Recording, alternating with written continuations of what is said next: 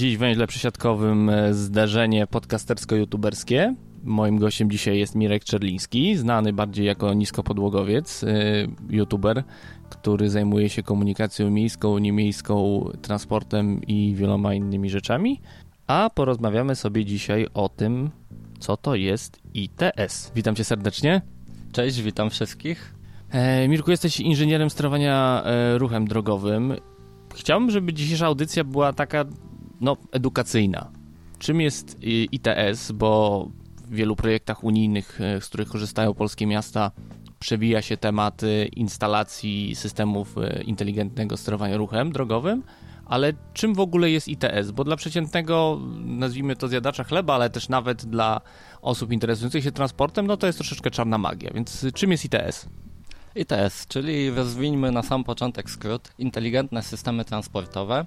E, inteligentne to tutaj z tym słowem najbardziej można e, polemizować, e, w jakim stopniu one są inteligentne, a w jakim zależne od człowieka i wręcz skierowałbym się w stronę tego, że te systemy są bardzo zależne od, od tego, jak je człowiek zaplanuje, zaprojektuje, zaprogramuje.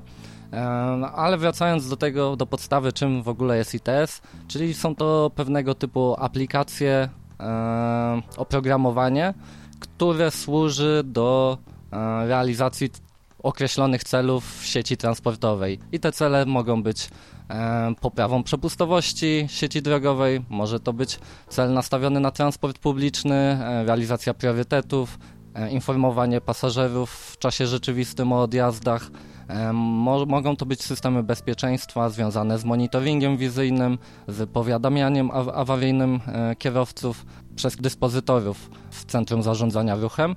Także tutaj rozwiązań aplikacyjnych ITS-u jest bardzo dużo, ale przede wszystkim chodzi o rozwiązania łączące informatykę z wymianą informacji, czyli mamy rozwiązania informatyczne, mamy wymianę informacji tutaj tym medium transmisyjnym e, może być światłowód, może to być stałe połączenie e, kablem lanowskim i mogą to być w końcu e, połączenia bezprzewodowe, czyli wymiana danych chociażby poprzez GPRS, karty SIM w naszych telefonach komórkowych wymieniają pakiety danych, chociażby jeśli mamy wymianę danych internetową, ale do tego dochodzi też bezprzewodowa sieć Wi-Fi, WiMAX, jest jeszcze kilka różnych innych bezprzewodowych sieci, które mogą służyć do transmisji danych pomiędzy urządzeniami, pomiędzy systemami połączonymi w jedną sieć.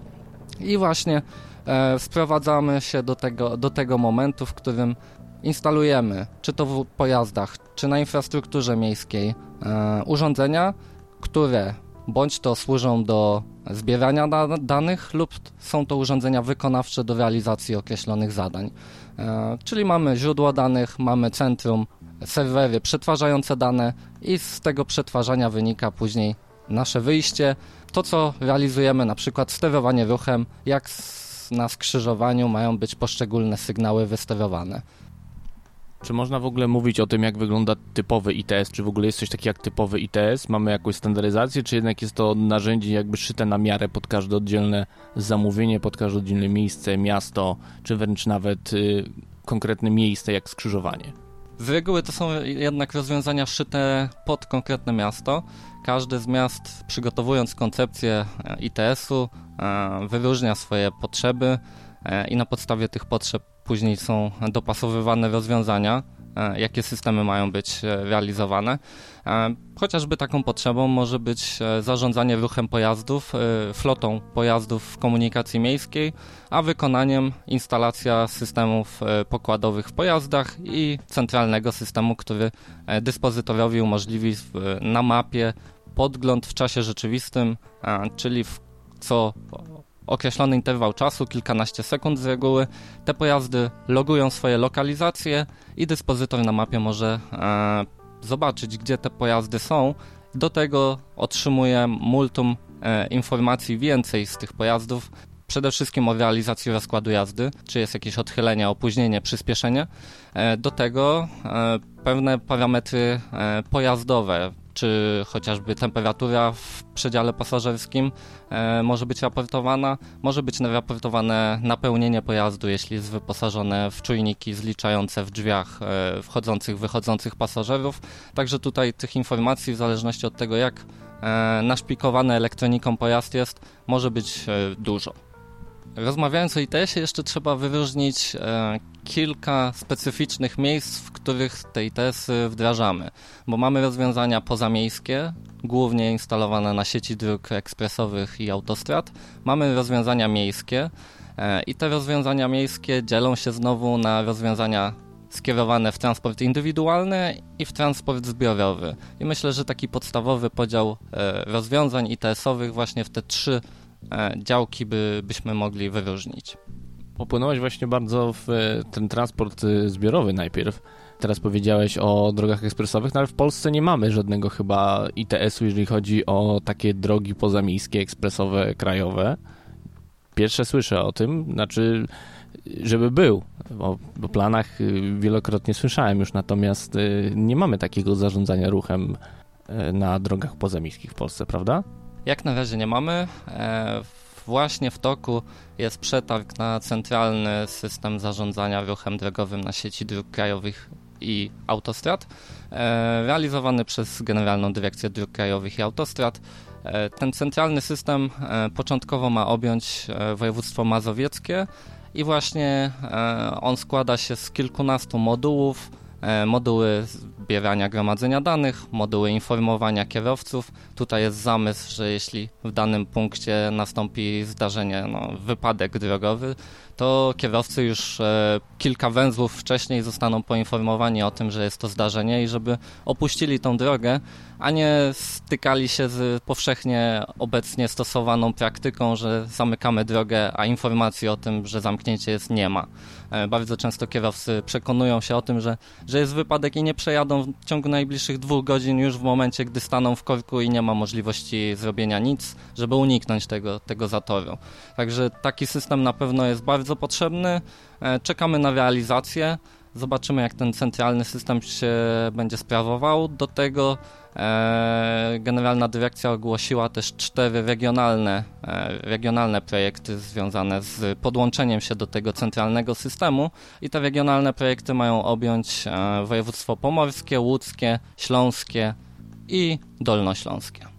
No tak, a czy ITS jest coś w stanie poradzić na polskich cwaniaków, którzy w takiej sytuacji zawracają na autostradzie i prują korytarzem życia pod prąd? Właśnie jak ma się ITS do bezpieczeństwa ruchu drogowego? Bo to jest chyba rzecz, która interesuje mnie dużo bardziej niż y, kwestia poprawy świętej przepustowości.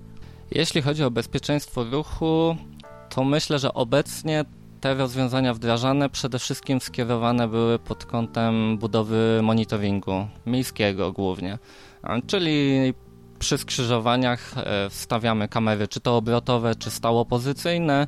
Te obrotowe umożliwiają operatorowi przyzumowanie wybranej, e, wybranej przestrzeni skrzyżowania i zobaczenia dokładnie, co się dzieje.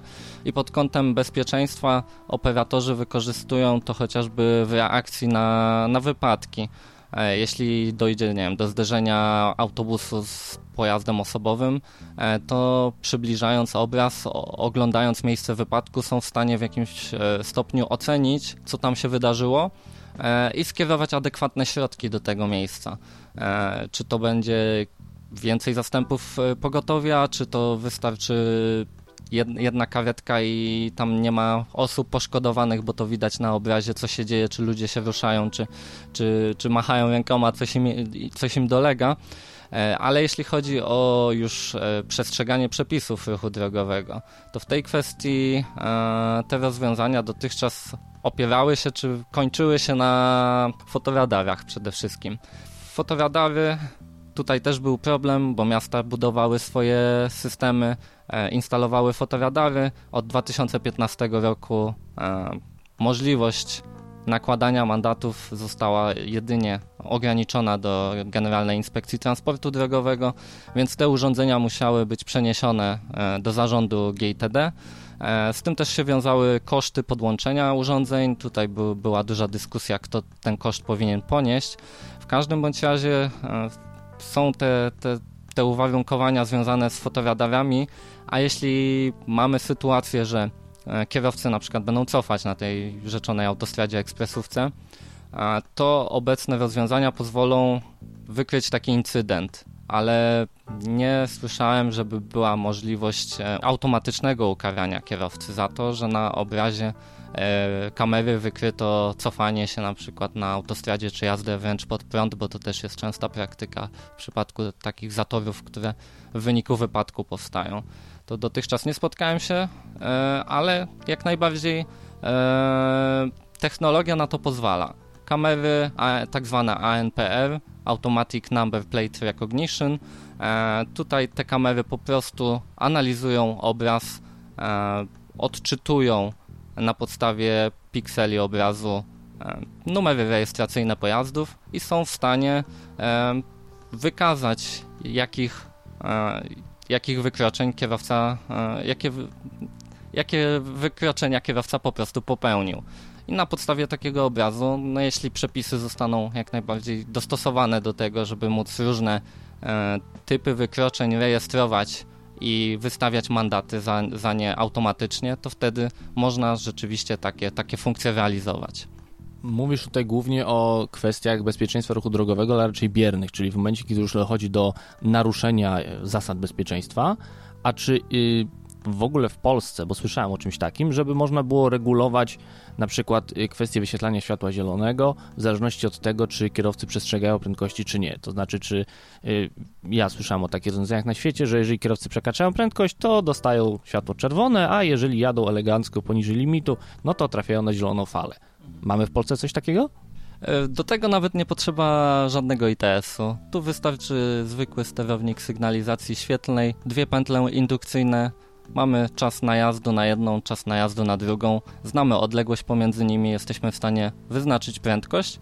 E, wystarczy taki zestaw pętli indukcyjnych jako mierników, do tego sygnalizacja świetlna i jak najbardziej e, przy wyznaczeniu prędkości przekraczającej dany próg możemy zmieniać sygnał na czerwony. Zresztą tego typu sygnalizacje działają również w Warszawie obecnie to jest przy, przy Wale Miedzeszyńskim, nie pamiętam konkretnie ulicy, ale w okolicach Wału Miedzeszyńskiego rzeczywiście tak sygnalizacje działają. Okej, okay, mamy typowe polskie miasto, które wydaje kilkadziesiąt milionów złotych, bo mniej więcej tyle kosztuje instalacja ITS w polskich warunkach. Do czego w Polsce ITS-y w polskich miastach są wykorzystywane? jaki jest ich cel główny instalacji, jakie mają spełnić zadania i czy te zadania spełniają? Z mojej perspektywy ITS powinien przede wszystkim być traktowany jako narzędzie. Narzędzie do realizacji polityki transportowej. E, I to narzędzie może być w bardzo wszelaki sposób traktowane, również przez y, urzędników miejskich, również przez decydentów. E, zdarza, zdarzały się sytuacje, że z nacisków politycznych E, w danym miejscu na przykład wydłużano ponad miarę czas sygnału zielonego tylko z tego powodu, że żona prezydenta przejeżdżała tym ciągiem e, sygnalizacji świetlnych. Z drugiej strony jednak, jeśli mamy e, doświadczonych operatorów, którzy wręcz samodzielnie będą w stanie przeprogramować sygnalizację, udzielić priorytetu na danych skrzyżowaniach e, transportowi publicznemu, to tutaj mamy bardzo duże narzędzie do tego, żeby e, przechylać szale między transport e, indywidualny a publiczny w tym względzie, żeby na danych skrzyżowaniach priorytetowo traktować te grupy, na których nam najbardziej zależy. Ale jak już wspomniałem, rzeczywiście może to być potężne narzędzie polityczne do, do uprzykrzania komuś życia, czy też poprawiania komuś e, warunków życia i tutaj trzeba bardzo to e, odpowiedzialnie, odpowiedzialnie tym zarządzać. Wracając do podstawowych celów stawianych w bu budowaniu ITS-ów w miastach, to przede wszystkim jest to zarządzanie ruchem drogowym. Ten core to jest ta sygnalizacja świetlna, e, połączenie jak największej liczby skrzyżowań e, w obszary sterowane z jednego centralnego systemu. E, te ciągi, obszary pozwalają nam koordynować sygnalizację pomiędzy sobą i również ta koordynacja może być nastawiona albo na transport indywidualny, albo na transport publiczny. Z reguły niestety jest to jednak transport indywidualny. E, takie, są, takie są realia polskich miast. Ale poza tym systemem sterowania ruchem, to w miejskich systemach bardzo często pojawia się informacja, czy to dla kierowców, czy to dla podróżnych komunikacji miejskiej, ta informacja może być w postaci świetlnych tablic e, wyświetlających czasy przed dojazdu w, w sieci danego miasta między punktem A do punktu B lub też więcej tych punktów docelowych w postaci takiej mapki graficznej. E, może to być informacja dla pasażerów komunikacji miejskiej, czyli na przystankach mamy e, LEDowe tablice, na których wyświetlany jest czas do najbliższego przyjazdu danego środka komunikacji miejskiej. Do tego wspomniane już wcześniej systemy bezpieczeństwa, przede wszystkim bazujące na monitoringu, do tego systemy biletowe, bardzo często miasta wdrażają kartę miejską przy okazji ITS-u, e, obecnie też e, te systemy związane z bezpośrednią płatnością w pojeździe, kartą płatniczą i rejestrowania się użytkownika w systemie poprzez identyfikator w karcie płatniczej. Także do, tej, do tego grona rozwiązań ITS-owych coraz więcej wcześniej również funkcjonujących rozwiązań się podpina, a nazywane są one ITS-ami ze względu na tą teleinformatyczną zawartość. Czyli ITS to mniej inteligentny, a bardziej teleinformatyczny system po prostu e, zarządzania ruchem, transportem, komunikacją. I to jest bardzo przykre, co powiedziałeś z tym transportem indywidualnym, ponieważ w jednym z ostatnich odcinków właśnie wskazywałem, że priorytet dla transportu publicznego to jest coś, co sprawia, że on jest y, bardziej opłacalny, że nie płacimy kierowcom za stanie w miejscu. No ale czy mamy jakiś pozytywny przykład z Polski przyspieszania transportu publicznego za pomocą e, ITS-u? Myślę, że takich przykładów jest rzeczywiście kilka na, na mapie Polski. Przywołałbym tutaj chociażby Bydgoszcz, e, trasę na Fordon, gdzie dzięki wdrożeniu systemu sterowania ruchem z priorytetem dla tramwajów, to ta trasa fordońska rzeczywiście jest jedną z najszybszych w Polsce pod względem prędkości komunikacyjnej, a na sygnalizacjach świetlnych z reguły te tramwaje nie oczekują. E, lub wręcz przyjeżdżając na przystanek zlokalizowany tuż przed sygnalizatorem, już w momencie przyjazdu e, modyfikowany jest program sygnalizacji tak, żeby po wymianie pasażerskiej tramwaj już miał sygnał zezwalający, żeby opuścić, e, opuścić przystanek, opuścić skrzyżowanie. W każdym razie myślę, że system bydgoski jest takim pozytywnym przykładem działania e, ITS-u w kierunku transportu publicznego. Również system olsztyński, chociaż olsztyński system jest w skali miasta bardziej wyważony, trochę e, poprawia ruch indywidualny, trochę poprawia transport publiczny. Te tramwaje już nie mają takiego wysokiego priorytetu jak chociażby na trasie do Fordonu, ale priorytet jest i skraca czas przejazdu. E, były sytuacje, kiedy system był wyłączony, tramwaje musiały w realiach programów, zwykłych programów sygnalizacji przejeżdżać przez skrzyżowania i czas przejazdu wtedy wydłużał się nawet o 10 minut. Mieliśmy taki przypadek w Olsztynie wyłączenia systemu centralnego sterowania ruchem i pracy skrzyżowań na lokalnych programach e, bez udzielania priorytetu tramwajom i w efekcie tej zmiany odnotowywane były nawet 10-minutowe spóźnienia względem rozkładu jazdy, co wskazywało, że jak system działa, e, zdecydowanie szybciej udzielał tego sygnału zezwalającego tramwajom na skrzyżowaniach. Nasuwa mi się pytanie, czy w takim razie do zapewnienia priorytetu dla transportu publicznego, już tak najbardziej takiego tempego, nazwijmy to, czyli tramwaj zbliża nam się do skrzyżowania i dostaje zielone światło, potrzebujemy ITS-ów za kilkadziesiąt milionów, czy to można zrobić właśnie jakąś prostą metodą i, i która z nich będzie działać lepiej? E, jest to jak najbardziej możliwe oczywiście. E, zresztą w taki sposób działają tramwaje warszawskie. E, tutaj nie ma wielkiego, zintegrowanego systemu związanego z udzielaniem priorytetu tramwajom.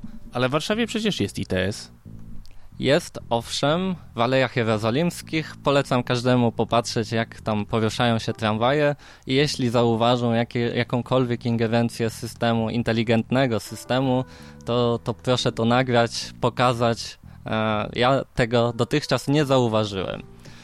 W każdym bądź razie, wracając do działań tramwajów warszawskich, już tych e, pozytywnych jak najbardziej w sieci tramwajowej, e, czy to na ulicy Marymąckiej, e, czy na Powstańców Śląskich, są po prostu wdrożone lokalne algorytmy sterowania sygnalizacją świetlną.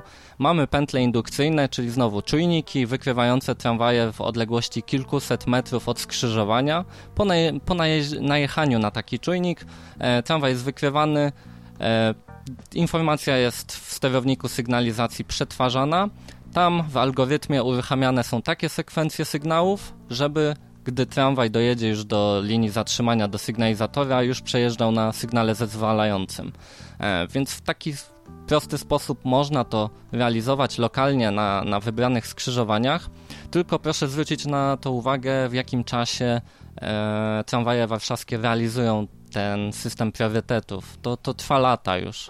E, a zmodernizowano dotychczas kilkadziesiąt skrzyżowań z chyba około 200. Jeśli chodzi o ITS, te projekty trwały 3-4 lata i w skali miasta wszystkie skrzyżowania były podłączone i na tych wszystkich skrzyżowaniach można było już jakieś algorytmy priorytetowe wdrażać.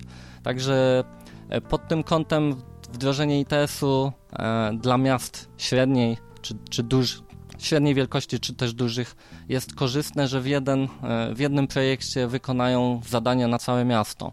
E, tramwaje warszawskie z kolei mają jeszcze bardzo skomplikowane skrzyżowania, budują bardzo rozbudowane algorytmy, dostosowują rozwiązanie, też trzeba to przyznać, do każdego poszczególnego skrzyżowania. W ITS-ie te rozwiązania są raczej uogólnione, realizowane w podobny sposób na wszystkich skrzyżowaniach, także tu są te dwa rozróżnienia. Okej, okay, więc mamy te nasze średnie miasto, które wdraża sobie ten ITS. E, tak jak wspominałem, to jest koszt kilkudziesięciu milionów złotych. E, I czy to jest dużo, czy to jest mało i co za te pieniądze można tak naprawdę kupić? Przede wszystkim musimy tutaj się odnieść do skali zjawiska, skali e, wdrażanych rozwiązań. Jeśli spojrzymy na przykład na Łódź, tam przebudowa trasy WZ czyli to była kompleksowa e, przebudowa torowisk tramwajowych, tam też się znalazły skrzyżowania, e, przebudowa sygnalizacji świetlnych. Jeśli chodzi o cały ciąg kilkunastu kilometrów trasy, to kosztowało ponad 700 milionów złotych. Z kolei wdrożenie ITS-u w skali Łodzi to e, koszt wyniósł 70 milionów złotych, czyli mamy 10% twardej, infrastrukturalnej inwestycji e, przebudowy torowisk i 10% to jest wdrożenie ITS-u na 230 skrzyżowaniach, czyli prawie w większości skrzyżowań z sygnalizacją świetlną w Łodzi. Do tego budowany był system e, informacji pasażerskiej.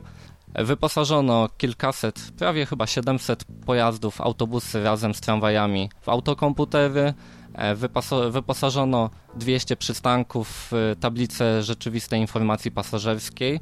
Jeżeli spojrzymy na to, że uzyskano poprawę ruchową, e, czy też e, zapewniono możliwość wdrożenia priorytetów w skali miasta, zapewniono informację pasażerską w skali miasta, do tego pojawiły się aplikacje również służące planowaniu podróży, służące E, w czasie rzeczywistym sprawdzeniu lokalizacji pojazdów, e, to tutaj zobaczymy, że tych e, korzyści płynących z wdrożenia takiego systemu było dużo i to w skali miasta, a nie tylko odcinkowej inwestycji wykonywanej twardo w infrastrukturze.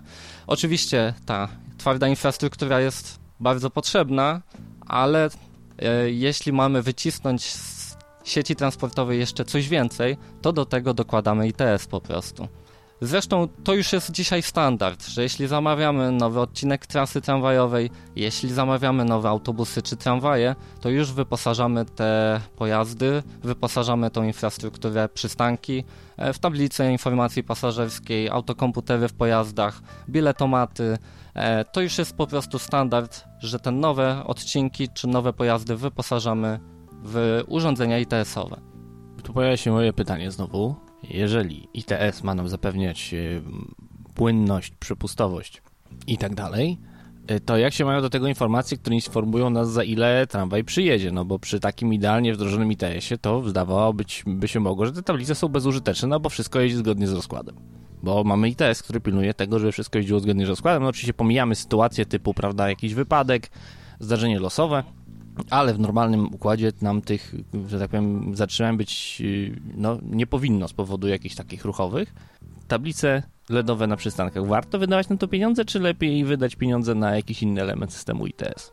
Można by powiedzieć wręcz, że szczególnie w sytuacji, gdy mamy urządzenia mobilne w kieszeniach i możemy wręcz na smartfonie zobaczyć, że ten pojazd za ileś minut przyjedzie na przystanek. Jeśli jednak yy, pojawimy się na jakimkolwiek przystanku, gdzie są zainstalowane tablice świetlne. Nawet gdyby te tablice wyświetlały tylko rozkład jazdy, to już nie zobaczymy pasażerów spoglądających w rozkład jazdy rzeczywi- w rozkład jazdy w gablotach, tylko po prostu ci pasażerowie patrzą tylko na te świetlne tablice. I to jest y, zaobserwowalne w zasadzie w większości miast. Ostatnio w Zielonej Górze na ten temat nawet rozmawiałem e, z operatorem transportu, e, że rzeczywiście pasażerowie i to e, z szerokiego grona, nawet osoby starsze, nie korzystające na przykład ze smartfonów, z tych tablic świetlnych owszem korzystają i to już jest ich podstawowe źródło informacji o tym. Nawet jeśli to by był sam rozkład jazdy. Ale jeśli jest to czas rzeczywisty, to tylko lepiej. E, mamy ITS sterujący sygnalizacją świetlną, ale na to, że pojawią się jakieś awarie, wypadki, już nie mamy wpływu i tutaj ta informacja też jest potrzebna. Można by się odnieść jedynie do tego, czy tablice są wykorzystywane e, rzeczywiście w przypadku tych sytuacji awaryjnych czy wypadkowych. Bardzo często mamy sytuację, że gdzieś doszło do zatrzymania ruchu, a na tablicy nadal wyświetlają się, że za 5-5 minut e, 10 tramwajów przyjedzie jednocześnie o tej samej minucie. No i właśnie w tym momencie powinien wkraczać albo algorytm wychwytujący takie nadzwyczajne sytuacje, albo wręcz dyspozytor, który by na danym korytarzu wystawiał komunikat, a te tablice z reguły są do tego przygotowane, mają dolny wiersz informacyjny, można wygasić e, wyświetlanie odjazdów w czasie rzeczywistym, e, więc rzeczywiście w tych sytuacjach awaryjnych powinno się myśleć o tym, żeby te tablice również aktywnie wykorzystywać, jak tylko coś się w sieci e, komunikacyjnej wydarzy. Okej, okay, powolutku yy, tak ciągle meandrujemy, więc w końcu dotarliśmy do pieszych poprzez ludzi stojących i patrzących w tablice elektroniczne. Jak ITS wpływa na pieszych? Przyznam, że jeśli chodzi o rozwiązania dla osób pieszych czy rowerzystów, to z reguły o tym się bardzo, bardzo mało myśli. Wręcz można powiedzieć, że e, często w ITS-ach utrudnia się im e, korzystanie z infrastruktury skrzyżowań drogowych, montując chociażby przyciski znane i nielubiane przez osoby muszące z nich korzystać, ale coraz częściej, e, przynajmniej w obszarach centralnych miast, wraca trend, wraca no, e, po prostu już się likwiduje przyciski. E, jest to coraz częściej zauważalne, że w obszarach centralnych, może nie na przedmieściach, gdzie, gdzie nadal przepustowość odgrywa dla zarządców dróg e, ogromne znaczenie, to już w obszarach centralnych coraz częściej zwraca się uwagę na tych pieszych i przyciski są zdejmowane, co wiąże się z tym, że każda faza obsługująca pieszych musi być w cyklu uruchomiona, ale jeśli to jest centralny obszar miasta, to z reguły y, jest to uzasadnione pojawiają się też inni uczestnicy ruchu, którzy będą z tej fazy sygnalizacyjnej korzystać. Jeśli chodzi o to, e, co ITS mógłby, może tak wychodząc e, do przodu, jak, jak, e, co narzędzie umożliwia względem pieszych, to tutaj jak najbardziej można regulować chociażby minimalny czas wyświetlania sygnału zielonego na danych przejściach. Często zdarzają się skrzyżowania, na których po modernizacji ten czas jest maksymalnie skracany, ten minimalny czas, na jaki sygnały mogą być uruchomione, jest maksymalnie skracany, co wiąże się z tym, że piesi przejdą na przykład je, przez jedną, jedną jezdnię, a do tego dalej mają do pokonania jeszcze torowisko i jeszcze jedną jezdnię. E, to mając system, e, jest to po prostu zmienna, którą można wydłużać i zadając właściwy czas, tym pieszym poprawimy warunki przechodzenia przez dane skrzyżowanie. Więc znowu wracam do tej kwestii, że ITS jest narzędziem umożliwiającym regulowanie pracujących skrzyżowań w czasie rzeczywistym, a jeśli ma, nie, mamy, nie mamy zintegrowanego rozwiązania, nie mamy centralnego systemu, to po prostu każde skrzyżowanie musimy przeprogramowywać, osobno. Często to się wiąże z tym wręcz, żeby e, na to skrzyżowanie pojechał pracownik i wgrał e, fizycznie, podpiął się z jakimś nośnikiem pamięci i wgrał nowy program sygnalizacji na to skrzyżowanie. Myślę, że dzisiaj już nie o to chodzi. Chodzi o to, żeby móc z centrum, z jednego miejsca, jak tylko są jakieś zgłoszenia, że tutaj brakuje czasu, piesi na przykład nie zdążą opuścić przejścia dla pieszych, to żeby móc z centrum takie rzeczy regulować i ta zmiana następowała jak najszybciej jest to możliwe. A co z rowerzystami? W wielu miejscach zauważyłem, że tam, gdzie były przyciski dla rowerzystów, pojawiają się już tabliczki, że jest automatyczna detekcja e, rowerzystów. I jak e, to w tym momencie funkcjonuje? Czy takie funkcjonalności ITS-u w Polsce są wykorzystywane? Detekcja rowerzystów e, teraz przechodzi już z tego archaicznego, czy, czy wręcz znieważającego rowerzystów rozwiązania związanego z przyciskami, to teraz e, instalujemy przede wszystkim radary wykrywające po prostu zbliżający się obiekt e, od strony drogi dla rowerów i na takim radarze, jeśli zostanie rowerzysta wykryty, to, to rzeczywiście jest ta automatyczna detekcja. E, pomocniczo często jeszcze nadal spotyka się te przyciski, jeśli urządzenie by zawiodło, ale rzadko to już się zdarza, raczej ta detekcja automatyczna działa dobrze. Jeśli chodzi o rowerzystów, to jeszcze taki pilotaż się ostatnio rozpoczyna w Warszawie, związany z wyświetlaniem e, rowerzyście pożądanego tempa ruchu, żeby na następnym skrzyżowaniu uzyskać sygnał zezwalający. Czyli jeśli ma pedałować normalnie, jechać z normalną prędkością, to tam pojawi się symbol e, na zielono. Jeśli już e, nie ma szans przejechać na kolejnym skrzyżowaniu na sygnale zezwalającym, to się pojawi żółty czy czerwony sygnał, co oznacza, że jakiekolwiek tempo jazdy dobierze, to dojedzie i tak na sygnał czerwony ale nadal to jest tylko informowanie o tym, co się wydarzy. To nie jest aktywne wpływanie, a znamy przykłady rozwiązań holenderskich, gdzie rzeczywiście to od detekcji rowerzysty e, decyduje się, e, jak sygnalizacja będzie sterowana na danych kolejnych skrzyżowaniach ciągu, gdzie rowerzyści e, przejeżdżają. Trochę znowu wracam do pytania, gdzie jest ta granica opłacalności ITS-a, bo moim zdaniem tego typu rozwiązanie, o którym mówiłeś, y, to informacje dla rowerzystów, no tak naprawdę właśnie nie wpływa na, na to, jak to działa. Osobiście uważam, że lepiej te pieniądze byłoby włożyć w infrastrukturę rowerową, a nie w kolejny gadżet, czy gdzieś tak jak się pojawiają liczniki, ile rowerzystów przejechało pod daną bramką, że pokazać jak jest ich wielu. I tu właśnie jest to, to pytanie, gdzie jest granica inwestowania w ITS? Do kiedy się opłaca, a kiedy staje się już y, gadżetem, na który wykładamy pieniądze i którego możliwości tak naprawdę nie wykorzystujemy, tak jak te infor tablice informacyjne, które nie informują o utrudnieniach w ruchu, jak y, systemy, które powinny dawać priorytet, ale go nie dają. Czy jest jakiś złoty środek, który możemy znaleźć, żeby to faktycznie czemuś służyło, a nie było tylko gadżetem lub y, jakimś elementem, który dokupujemy sobie, bo Unia daje pieniądze? Tu musimy wrócić chyba do tego tematu trudnej mierzalności efektów wdrożenia ITS-u, bo mamy, mamy poprawę ruchu drogowego, to poprawę ruchu drogowego jesteśmy w stanie zmierzyć, czy to czas przejazdu się zmienia, czy liczba zatrzymań się zmienia. Ruch drogowy jesteśmy w stanie zmierzyć, tak samo pojazdów e, transportu publicznego. Jeśli chodzi o informację pasażerską, informacje dla kierowców, informacje dla rowerzystów, no to już jesteś, e, to nie, nie jest takie proste przeliczyć na złotówki. Przekazanie informacji, że jedź dalej tak jak jedziesz na rowerze, uzyskasz sygnał zielony. To, to nic nie jest warte dla mnie osobiście. Ale już dla pasażera komunikacji miejskiej, że za dwie minuty przyjedzie tramwaj, to już jakaś istotna informacja jednak jest, dająca mu też poczucie pewności, że ta komunikacja działa i za chwilę będzie, tak? E, podobnie mamy dalej, systemy bezpieczeństwa. E, jak zmierzyć e, w systemie bezpieczeństwa, że obecność monitoringu na przykład zapobiegła temu, że nie ma tylu aktów wandalizmu, e, że nie ma tylu pobić, e, że nie ma tylu zdarzeń drogowych w sieci na przykład. Jak to, jak to zmierzyć pod kątem systemów bezpieczeństwa? E, jeśli mamy system biletowy, no to tutaj wpływy mamy jednoznaczne, to to jest chyba ten naj, najlepiej przeliczalny na pieniądze element ITS-u, bo po prostu mamy wydatek na system i mamy wpływ z systemu wynikający ze sprzedaży biletów. Która się nie zmienia, ponieważ system sprzedaży biletów nie ma wpływu na to, ile pieniędzy z biletu zbierzemy. To nie do końca prawda. Poznaniu wykazano, że wdrożenie systemu PK e, związało się z zwiększeniem liczby pasażerów korzystających z komunikacji.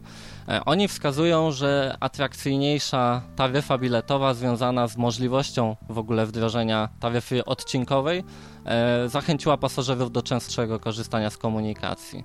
E, I płacenia za nią. Oczywiście opłacając kartą PK. E, przejazdy odcinkowe e, w formie check-in, check-out, e, tam gdzie wsiadamy, tam gdzie wysiadamy, odbijając się w kasowniku. Także efekty systemów biletowych mimo wszystko są. I myślę, że często wiąże się to z modyfikacją taryfy i dostosowaniem taryfy pod, pod możliwości systemu bo jeśli spojrzymy na warszawski system biletowy, on jest bardzo archaiczny, mamy dwie strefy biletowe od 20 lat, prawie chyba już, bo chyba w 2001 roku karta miejska w Warszawie się pojawiła. To wdrożenie trwało kilka, kilka lat, więc trudno mówić o jednym momencie, to trwało chyba prawie 4 czy 5 lat wdrożenie, aczkolwiek teraz mamy drugą strefę, ale w drugiej strefie mamy różne ceny biletów y, okresowych ze względu na wysokość y, płatności przez gminy, więc to jest też bardzo ciekawy motyw. Ale wróćmy do tematu. I tutaj też się zwraca uwagę na to, że warszawska karta już ma ograniczenie, że więcej stref biletowych nie, nie byłoby możliwości zapisania na niej, a były zakusy. Wcześniej. Myślę, że teraz już, już e, zapomniano o tym temacie, ale był okres, w którym e, chciano wręcz wyróżnić na przykład obszar śródmiejski jako osobną strefę taryfową. Także no to, to, to trochę wątek poboczny mimo wszystko, e, związany z opłacalnością e, wdrożeń e, ITS-owych Myślę, że na, etapie budowania koncepcji rzadko kiedy wykonuje się takie rzetelne analizy finansowe. Jakie korzyści mogłyby z tego płynąć? Raczej to są analizy funkcjonalne, a nie e, finansowe. Czyli jako puentę dzisiejszego odcinka możemy zawrzeć e, twierdzenie, że tak naprawdę moglibyśmy dużo więcej mieć z ITS-ów niż mamy naprawdę, tylko nie chcemy, nie umiemy? Nie umiemy, to na pewno jeden wniosek. Z czego to wynika, że nie umiemy? Z tego, że klasa tych rozwiązań jest na, na, dla nas nadal świeżością. Dużo elementów wdrażanych to są wręcz eksperymenty. Tak jak ta informacja dla rowerzystów, to, to w Polsce jest eksperyment i ciężko było się nawet czy jakichkolwiek efektów spodziewać na na, przed wdrożeniem. Można pomyśleć o tym, ale często w, przy wdrożeniach pojawiają się efekty, o których byśmy nie pomyśleli. Na przykład bydgoscy policjanci, e, mając dostęp do kamer rejestrujących tablice rejestracyjne, były w, byli w stanie odnaleźć punkty dziupli handlarzy samochodów, E, bo pojazdy danych marek o danych tablicach rejestracyjnych pojawiały się wyjątkowo często w danym obszarze. E, więc również wdrożenia mogą nieść za sobą jakieś dodatkowe efekty uboczne, e, no, korzystne dla społeczeństwa, bo odnaleziono, gdzie tam Ople na przykład były szczególnie często kradzione i, i dokąd, dokąd zmierzały w efekcie. I wracając do tych umiejętności, przede wszystkim wśród o jednostek korzystających z funduszy unijnych nie ma po prostu wiedzy o tym, jak te e, ITS-y działają, czego się spodziewać, czego wymagać i później dru drugi istotny czynnik, to, że nie ma umiejętności na początku, to jeszcze moglibyśmy przełknąć, gdyby te umiejętności pojawiały się później, chociażby po wdrożeniu tego projektu, a często jest tak, że klient, czyli miasto, ja trochę patrzę z perspektywy e, integratora, który wdrażał tego typu systemy, więc dla nas miasto było klientem. E, to, to, klient ten często po wdrożeniu e, w niektórych rozwiązaniach pozostawał z czarną skrzynką, e, której nie mógł się dotknąć, bo jak cokolwiek się dotknie, to straci gwarancję i sam też się bał korzystać z tego, uczyć się tego systemu. Także tutaj Dużo pracy jest do zrobienia jeszcze w, w procesie wdrażania i szkolenia pracowników, którzy mają później korzystać z tych ITS-ów. To powinien być bardzo istotny element projektów, E, I to nie w ostatnim miesiącu wdrożenia, ale już na etapie budowania, przebudowy sygnalizacji świetlnych, żeby, e, żeby klient, czyli miasto, urzędnicy e, zarządu dróg uczestniczyli aktywnie w tym, co jest wdrażane, uczyli się rozwiązań, uczyli się korzystania z tych narzędzi na bieżąco, a nie już w ostatnim miesiącu, ostatnim tygodniu przed podpisaniem protokołu odbioru, żeby to jak najszybciej zrobić. PS, ponieważ miałem ostatnio pytanie i nie potrafiłem na nie odpowiedzieć. Dlaczego nie można powiązać sekundnika wskazującego czas y, do, do końca zielonego lub końca czerwonego światła na skrzyżowaniu z, ze zmiennym cyklicznym y, ITS-em? Można i nie można. Musimy być przede wszystkim świadomi tego, że sygnalizacja ze swojej perspektywy, jakbyśmy spojrzeli z, z e, szafy sterowniczej e, stojącej na skrzyżowaniu, ona nie wie, jak pojazdy będą się pojawiać w cyklu sygnalizacji. Jeśli mamy detektor, to na detektorze pojawia nam się pojazd i pojazd po zjechaniu jest okres e, często 2-3 sekund, kiedy sygnalizacja oczekuje na kolejny pojazd, a jeśli ten kolejny pojazd się nie pojawi, to zamyka sygnał, bo może szybciej skrócić fazę. E, I w związku z tym, jeśli pojawi nam się licznik odliczający na przykład czas maksymalny, a pojazdy zjadą nam i już zostanie przerwa, E, przekroczymy te 2-3 sekundy progowe, to sygnał, e, który na liczniku miał trwać 30 sekund, zamknąłby się na przykład po 15 sekundach. I co w takiej sytuacji? Czy nagle licznik miałby się wyzerować, e, co też mogłoby powodować nowe sytuacje niebezpieczne? Kolei e, powiedziałem może tak, może i nie. Jest już w Polsce, w Szczecinie wdrożone rozwiązanie z systemem centralnym sterowania E, ruchem uzależnionym od ruchu. E, jest ten system licznikowy wdrożony w taki sposób, że on odlicza, e, odlicza pozostały czas zielony w sytuacji, gdy już wiemy, że zmieniamy fazę. Czyli jeśli rozpoczyna nam się sygnał, on miał, zakładamy na przykład trwać 30 sekund, to na początku nie mamy wyświetlonej informacji, ile będzie trwał sygnał, ale to też jest, brak informacji jest informacją o tym, że sygnał jest dalej przedłużany.